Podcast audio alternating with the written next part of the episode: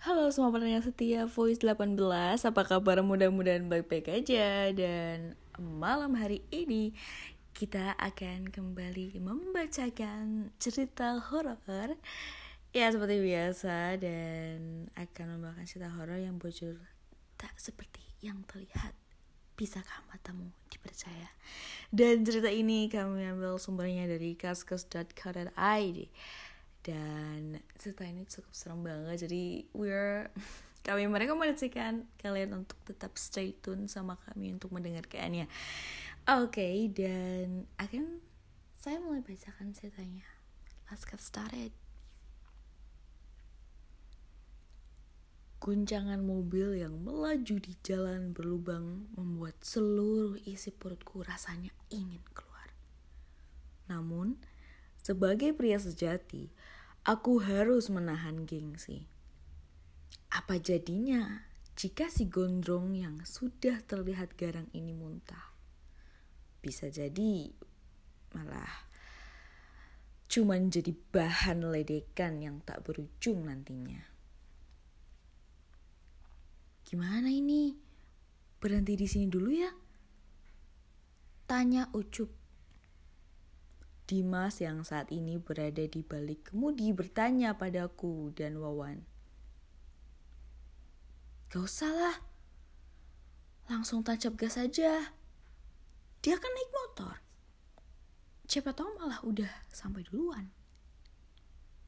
Wawan yang duduk di kursi depan sepertinya tidak ingin membuang waktu untuk segera sampai tujuan. Justru itu gue pengennya tanya dulu gimana kalau dia nggak jadi datang. Kalau memang dia berhalangan, kita masih bisa putar balik sekarang. Meskipun Wawan menyatakan keberatan, uh, Dimas tetap saja menurunkan kecepatan kendaraan bersiap untuk menepi. Aku sih setuju kita berhenti dulu. Sekalian Dimas bisa istirahat sebentar ngelurusin kaki. Perjalanan kita masih lumayan panjang kan? Kataku berusaha bijak. Sejujurnya, aku juga menginginkan kendara ini maksudnya kendaraan ini berhenti sebentar untuk menghilangkan mual yang sudah tak bisa kutahan lagi. Karena kalah suara, Wawan terpaksa setuju agar perjalanan ini tertunda sebentar. Aku bergerak cepat keluar dari mobil begitu kendaraan terparkir sempurna di pinggir jalan. Kuhirup udara pedesaan yang segar itu sedalam-dalamnya. Syukurlah, itu cukup ampuh menyembuhkan mabuk darat yang kuderita. Sementara aku sibuk memulihkan keadaan, Dimas tampaknya sedang berusaha menghubungi Ucup dengan ponselnya. Gak diangkat nih, gimana ya? Dimas meminta pendapatku dan Wawan yang sedang asyik bersandar di kap mobil. Ya pasti anak itu lagi bawa motor. Benar kataku kan. Sebaiknya kita nggak usah berhenti buang-buang waktu. Wawan tampak kesal. Yakin nih Ucup jadi jalan. Kemarin kan dia masih belum pasti nyusul atau enggak. Raut wajah Dimas tampak cemas dan khawatir. Aku sebenarnya tahu kenapa Dimas khawatir ini kekhawatiran yang sama dengan yang aku rasakan. Tapi sepertinya Wawan yang ingin sekali mencicipi pendakian di Gunung Sumbing tidak lagi memikirkan hal lain selain tetap pergi. Dimas kemudian menatap ke arahku, mencoba meminta pendapat tanpa bertanya. Sesungguhnya aku juga ragu melanjutkan perjalanan ini. Tapi aku juga tak ingin mengecewakan Wawan. hmm, ya udah kita lanjut aja kalau Ucup benar berangkat tapi kitanya yang malah batal kan kasihan juga dia kalaupun Ucup tidak datang pasti nanti kita ketemu kelompok lain di sana kita bisa ikut gabung sama mereka kan akhirnya saran itu yang aku pikir bisa memuaskan para pihak para semua pihak yang ada di situ pada malam hari itu. Sorry, pada saat itu. Dan pada akhirnya, Ucup tidak datang. Kami baru mendapat kabar setelah sampai di pintu masuk pendakian. Saat itulah Aku dilanda keraguan untuk melanjutkan pendakian ini dan sepertinya Dimas pun merasakan hal yang sama.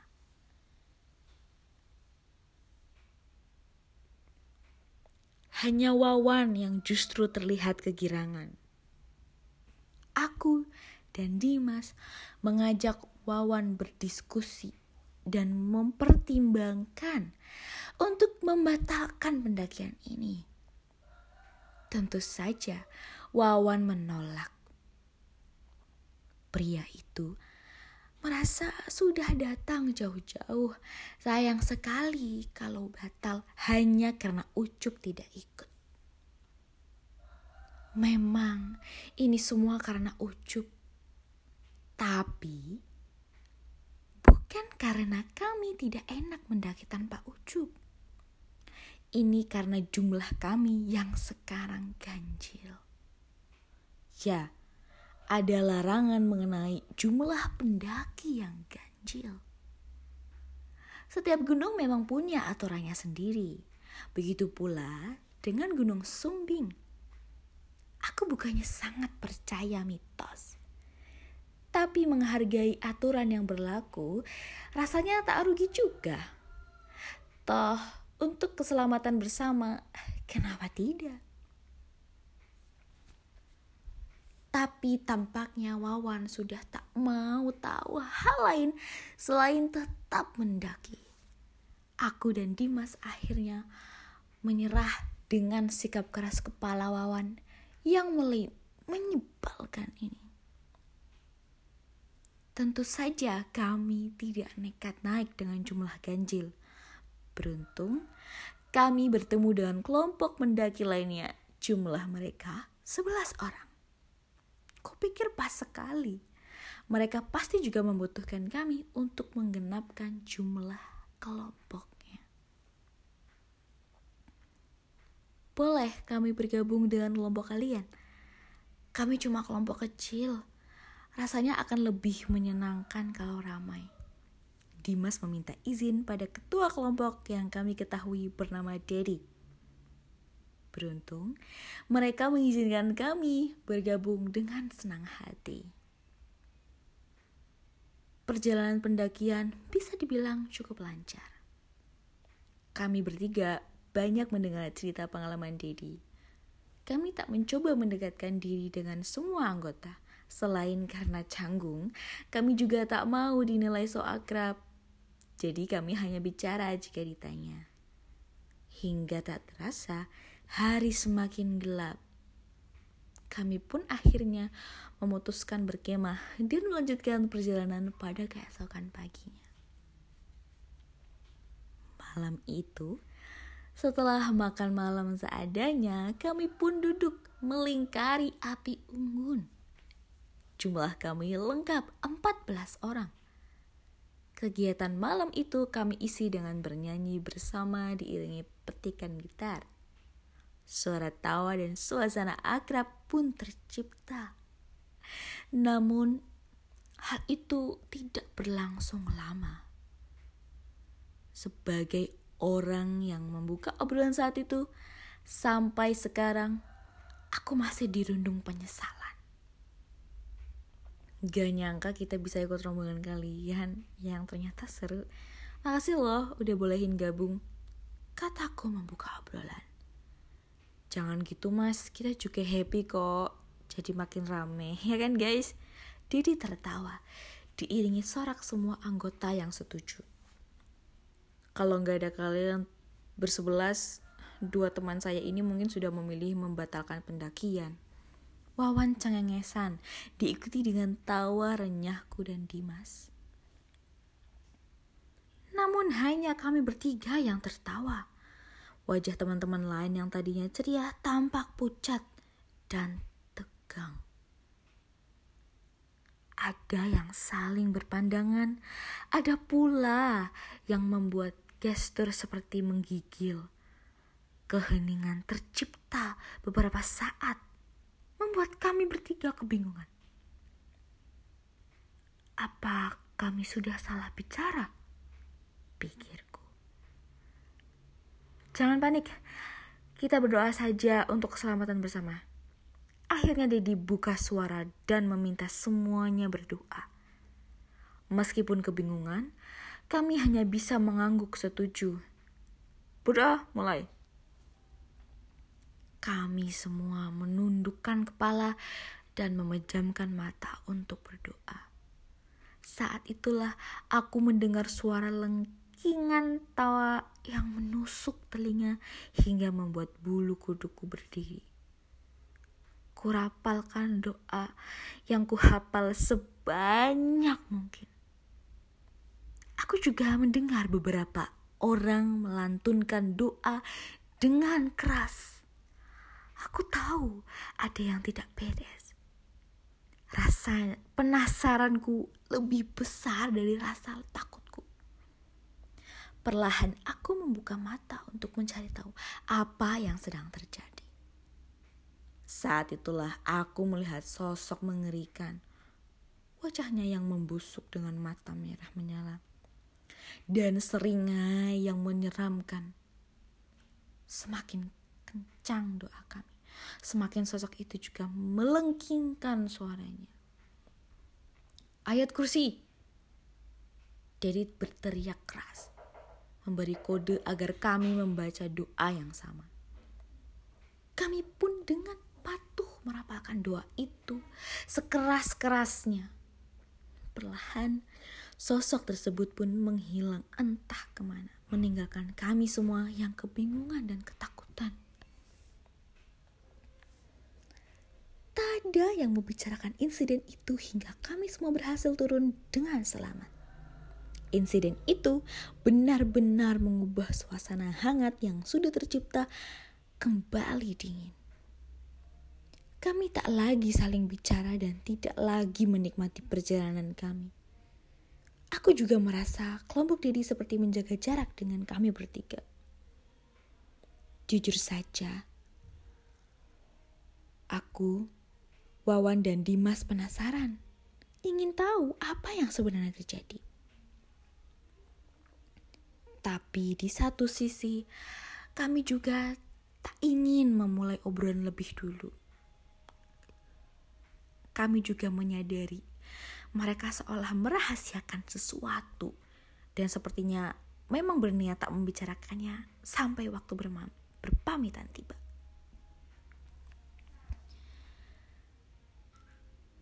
Dedi akhirnya bercerita mengenai apa yang terjadi tepat pada kami waktu kami akan pulang. Katanya, sedari awal jumlah kelompok pendakian tak pernah genap. Tentu saja, aku, Dimas, dan Wawan kebingungan. Dedi yang menyadari kebingungan kami akhirnya menjelaskan lebih rinci. Saya dan anggota lain cukup terkejut saat kalian mengatakan pada kami bahwa kami telah membuat kelompok pendakian ini jadi genap, katanya. Bagaimana mungkin? Jelas kalian bersebelas yang menolong kami bertiga kan? Dimas belum mengerti. Di situlah keanehannya. Asal kalian tahu, kelompok kami hanya berdiri hanya terdiri dari 10 orang, bukan 11 dari awal kelompok kami sudah genap karena kami tahu ada aturan tak boleh mendaki dengan jumlah ganjil. Ini ada foto keberangkatan kami dari base camp sebagai bukti. Dedi menunjukkan foto yang memang hanya ada 10 orang di sana dan mereka mengambil foto dengan memanfaatkan timer. Saat itulah aku merasakan tubuhku merinding. Jadi, sebenarnya siapa anggota kelompok ke-11 yang kami lihat? Tunggu, kalau kalian memang sudah genap, Kenapa kalian mengizinkan kami yang berjumlah ganjil ini bergabung? Bukankah akan merugikan kalian? Tak tahan, aku pun ikut bertanya. Hmm, sebenarnya aku dan anggota lain melihat kalian sudah genap jumlahnya. Di mata kami, kalian ini berempat, bukan bertiga. Dari awal, bukankah kalian tak pernah bicara soal jumlah ganjil? Kalian hanya minta gabung karena kelompok kalian kecil.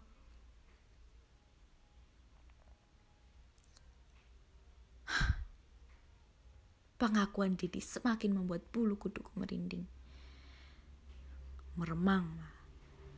Itu artinya makhluk itu telah menipu mata kami semua. Apa sekarang kami masih terlihat berempat? Dengan suara gemetar, Wawan memberanikan diri untuk bertanya. Dedi tidak menjawab. Pria itu justru balik bertanya.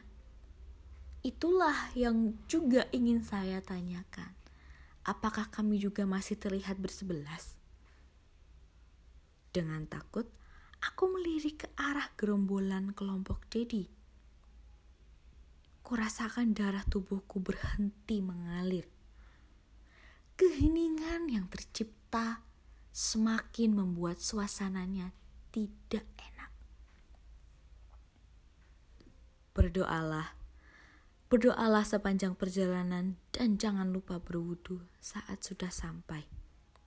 Hanya itulah kalimat terakhir yang diucapkan diri sebelum kemudian kami berpisah dengan pertanyaan yang kami pun tak ingin tahu jawabannya selesai. Terima kasih telah mendengarkan podcast Voice 18 atau Voice 018 di channel ini. Dan terima kasih telah klik juga video ini. Dan semoga malam hari ini kalian bisa tidur nyenyak. Dan semoga malam hari ini kalian berani ke toilet sendirian malam-malam. Anyway, terima kasih. Dan jangan lupa kunjungi kami. Kami selalu update pertama di Spotify dan kami juga ada di Facebook fanpage. Kami juga ada di Instagram dan untuk kalian yang ingin menghubungi kami juga ada di email dan linknya semuanya ada di bawah ini. Dan jangan lupa yang belum subscribe tinggal subscribe channel ini dan jangan lupa nyalakan tombol notifikasinya agar kalian tidak ketinggalan untuk update selanjutnya. Dan terima kasih we are so appreciated. Thank you so much guys. I love you all. Assalamualaikum warahmatullahi wabarakatuh siapa itu yang di sebelahmu